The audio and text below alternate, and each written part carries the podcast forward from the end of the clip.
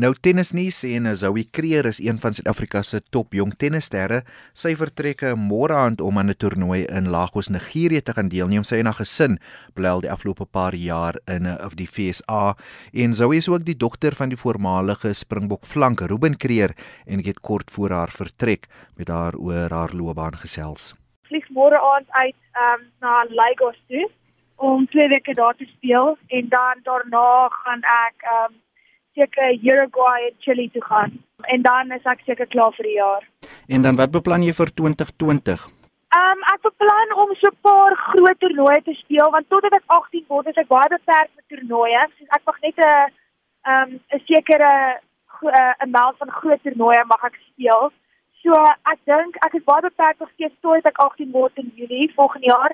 So ek mag dan gaan ek probeer om net so 2, 3 groot toernooie deur die jaar te speel depending on hoe my ranking vorder.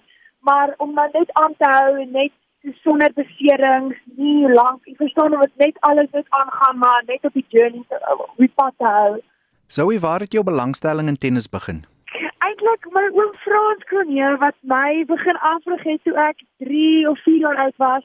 Van daar af toe het ek letterlik alles net begin. Daarso ek het van daar af op van kleins af langs my ouma op die muur geslaan en klein goedjies gedoen wat soos net die, die dom goedjies is wat my net geïnteresseer het in tennis en die sport. En dit van daar af heeltemal in so baie ek het baie geïnteresseer om dit as 'n as 'n professioneel te gaan speel. Wanneer het jy besef my is eintlik goed hierin? Ek dink toe ek seker so by 10 of 11 was, toe ek nationals gewen het. Toe is ek soos van dalk, jy weet dalk En ek het al die sporte gespeel tot ek 12 jaar oud was. Ek wou ek het landloop, netbal, hokkie, alles gedoen. En toe het ek maar besef dat ek dit gaan vat as 'n as 'n karier en toe van daar af het ek maar alles gelos vir tennis en my hele lewe amper opgegee. Maar dit is definitief die moeite werd. So uh, jy spandeer jou tyd tussen Amerika en Suid-Afrika. Verduidelik ons net 'n bietjie hoe werk dit?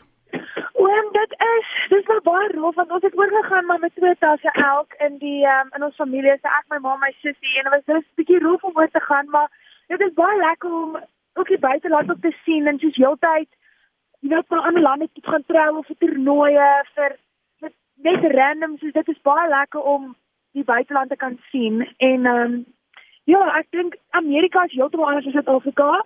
En um, Ja, dit is lekker om weer terug by die huis te wees my vriende, familie en alles. Dit is dit is altyd maar lekker om by die huis te kom. Jou sussie speel ook tennis, né?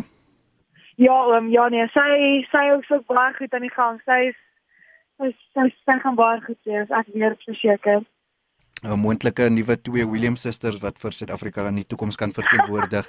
Hoopelik, um, hoopelik. Sou jy sê vir my hoe lyk die oefenskedule vir 'n jong tennisster? Ehm dit was altyd ek het baie um minimaal geoefen om baie intensief te oefen op die op die op wanneer ek oefen. Maar um van daar af toe is ek maar ek het um ek oefen nou in Barcelona. So van nou af is dit ek oefen 2 ure in die oggend tennis en dan het ek 'n uur fiksheid en dan het ons gewoonlik ons lunch en ons bietjie kan rus en alles en oefen ons weer 2 ure in die middag en nog 'n uur fiksheid na die tyd. En dit is dis maar rof. En in terme van infrastruktuur, seker baie beter in Amerika as in Suid-Afrika vir 'n jong tennisspeler. Ehm, um, oom, ek dink net daar's baie meer uh, geleentheid ehm um, buite. Dit is wat ek sou sê en daar is baie meer jy word blootgestaan aan baie meer daarso as wat jy in Suid-Afrika blootgestaan word, maar vir my is dit ook verskriklik lekker om net weer by die huis te oefen saam met mense wat my verstaan as 'n mens, meer as 'n speler, verstaan wat ek bedoel. So dit is dit is op daai pad is ook verskriklik belangrik vir my.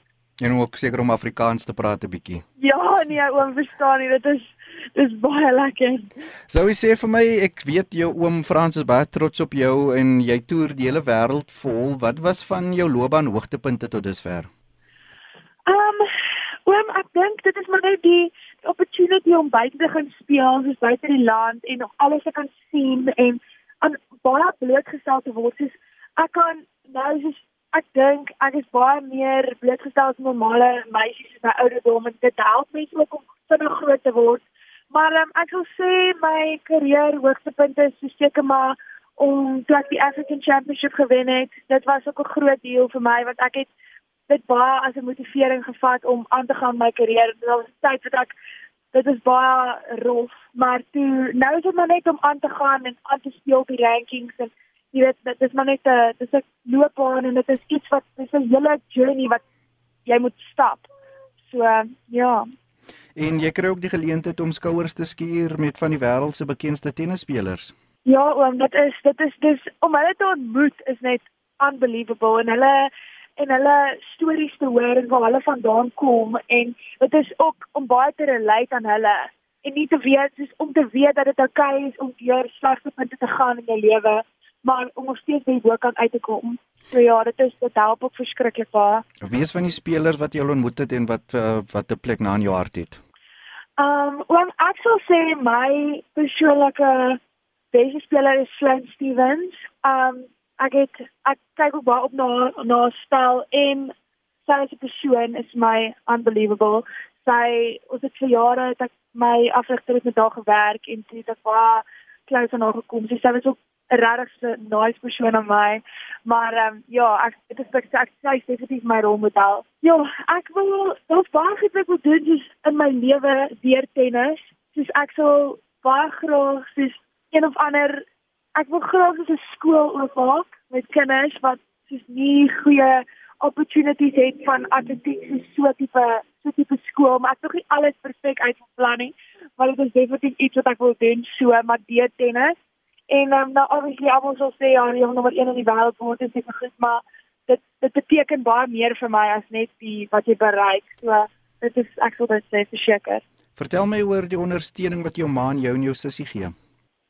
Ja, oor nee, ek ek kan dit nie regtig woorde sit nie, my ma gee omtrent alles op my my sussie en dit dit beteken alles vir ons want om 'n uh, net nog 'n kans in die lewe te hê, net ewen om buite Suid-Afrika te gaan, dis dan weet jy soos die kans wat jy daar kan kry net nie net in jou tennisloopbaan nie, in jou hele lewe wat na tennis gaan gebeur. Dit is ook 'n huge ding en sy sy het ook baie deure vir ons oopgemaak en ewen die die die ondersteuning wat sy vir ons gee, soos wat sy vir ons sê, alles wat sy vir ons sê, alles wat sy vir ons doen en sy is 'n amazing vrou. Dit is net ek kan nie glo dit is God het my so gebless om haar as my ma te hê. Dit is unbelievable. En dan eh, in terme van eh, jy het gepraat van die groot toernooie, die Grand Slams is natuurlik vir baie jong spelers 'n droom. Sou jy graag byvoorbeeld aan 'n Wimbledon, Franse Ope, Amerikaanse Ope wil gaan speel? Ja, oom, dit sal dit sal 'n groot voorreg wees en um, ek dink ook dit is dis definitief 'n kans wat iemand sal kry as jy 'n groot deurbraak gemaak het in 'n ander toernooi. So ek dink dit is 'n 'n groot pad om tot daar uit te kom. So ek gaan maar moet werk tot daar. Wat jou gunsteling oppervlak? Klei oom, verseker. 100%. So moontlik die Franse oop in die toekoms. Ja oom, rooi klei, dis my favourite oppervlak, verseker. En dan wat doen jy weg van die tennisbaan af Zoe? Om te ontspan.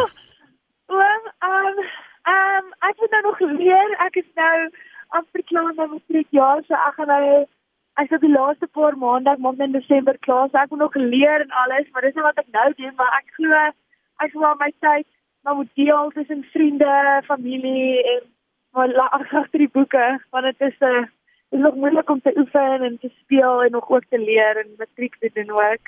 Sou jy sê vir my jy's 'n jong Suid-Afrikaner wat groot dinge doen in die in die buiteland. Wat is jou boodskap aan jong Suid-Afrikaanse meisies veral wat 'n uh, droom het uh, nie noodwendig om moontlik tennis te speel nie, maar net 'n droom het om iets in die lewe te bereik?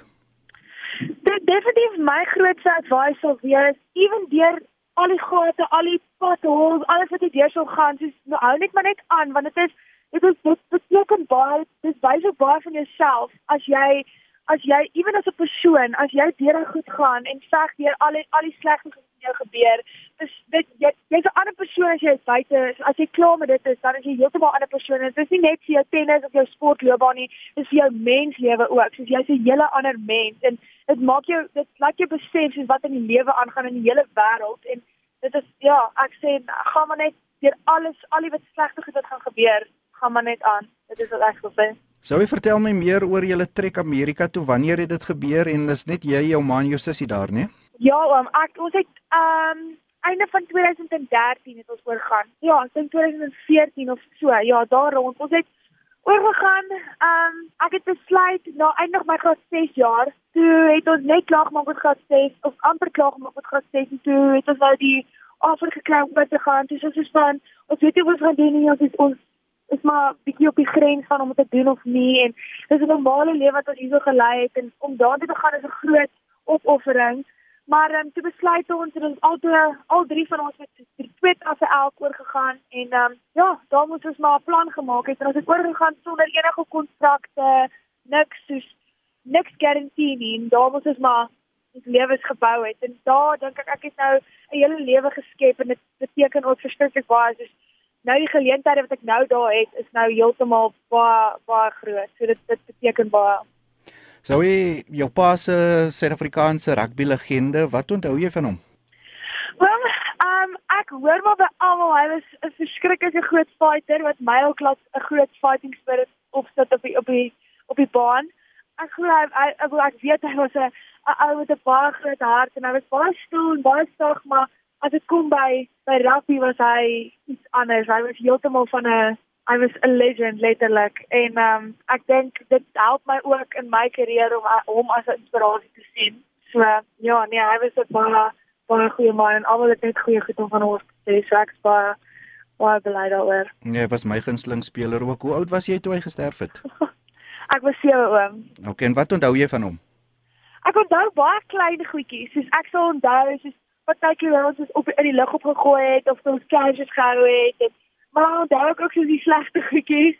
Dis waar daai baie siek was en die ons is lank in die bed gaan lê en sulke tipe van goed, maar ja, dit is ek probeer maar die goeie goed onthou en dan partykeer dan sal ek net random aan iets dink wat my terugvat aan dae wat hy nog hier so was en dat goed wat ek nie soos op die oomblik kan onthou nie, maar dan sit ek soos van ek kan nie glo ek onthou dit nie en soos o ja, verstaan, ek onthou dit. So ja, dit is dis klein goedjies, maar ek onthou dit, ek probeer maar die goeie goed onthou. En dan ek weet jy bly nou in Amerika maar ondersteun jy daarom nog die bokke? Ja, nee, oor verseker 100% ek kyk elke een van hulle games. Dit is definitief, dit is ek ken ook jy het van die ouens wat speel, so dit is my dit is ek love dit om te kyk. Dit is 100% die team wat ek back. Sou ek kreer dit was baie lekker om vanmiddag met jou te gesels en alles van die beste met jou toekoms. Baie baie baie dankie oom, ek waardeer regtig baie. RSG Sport van vroeg tot laat elke dag.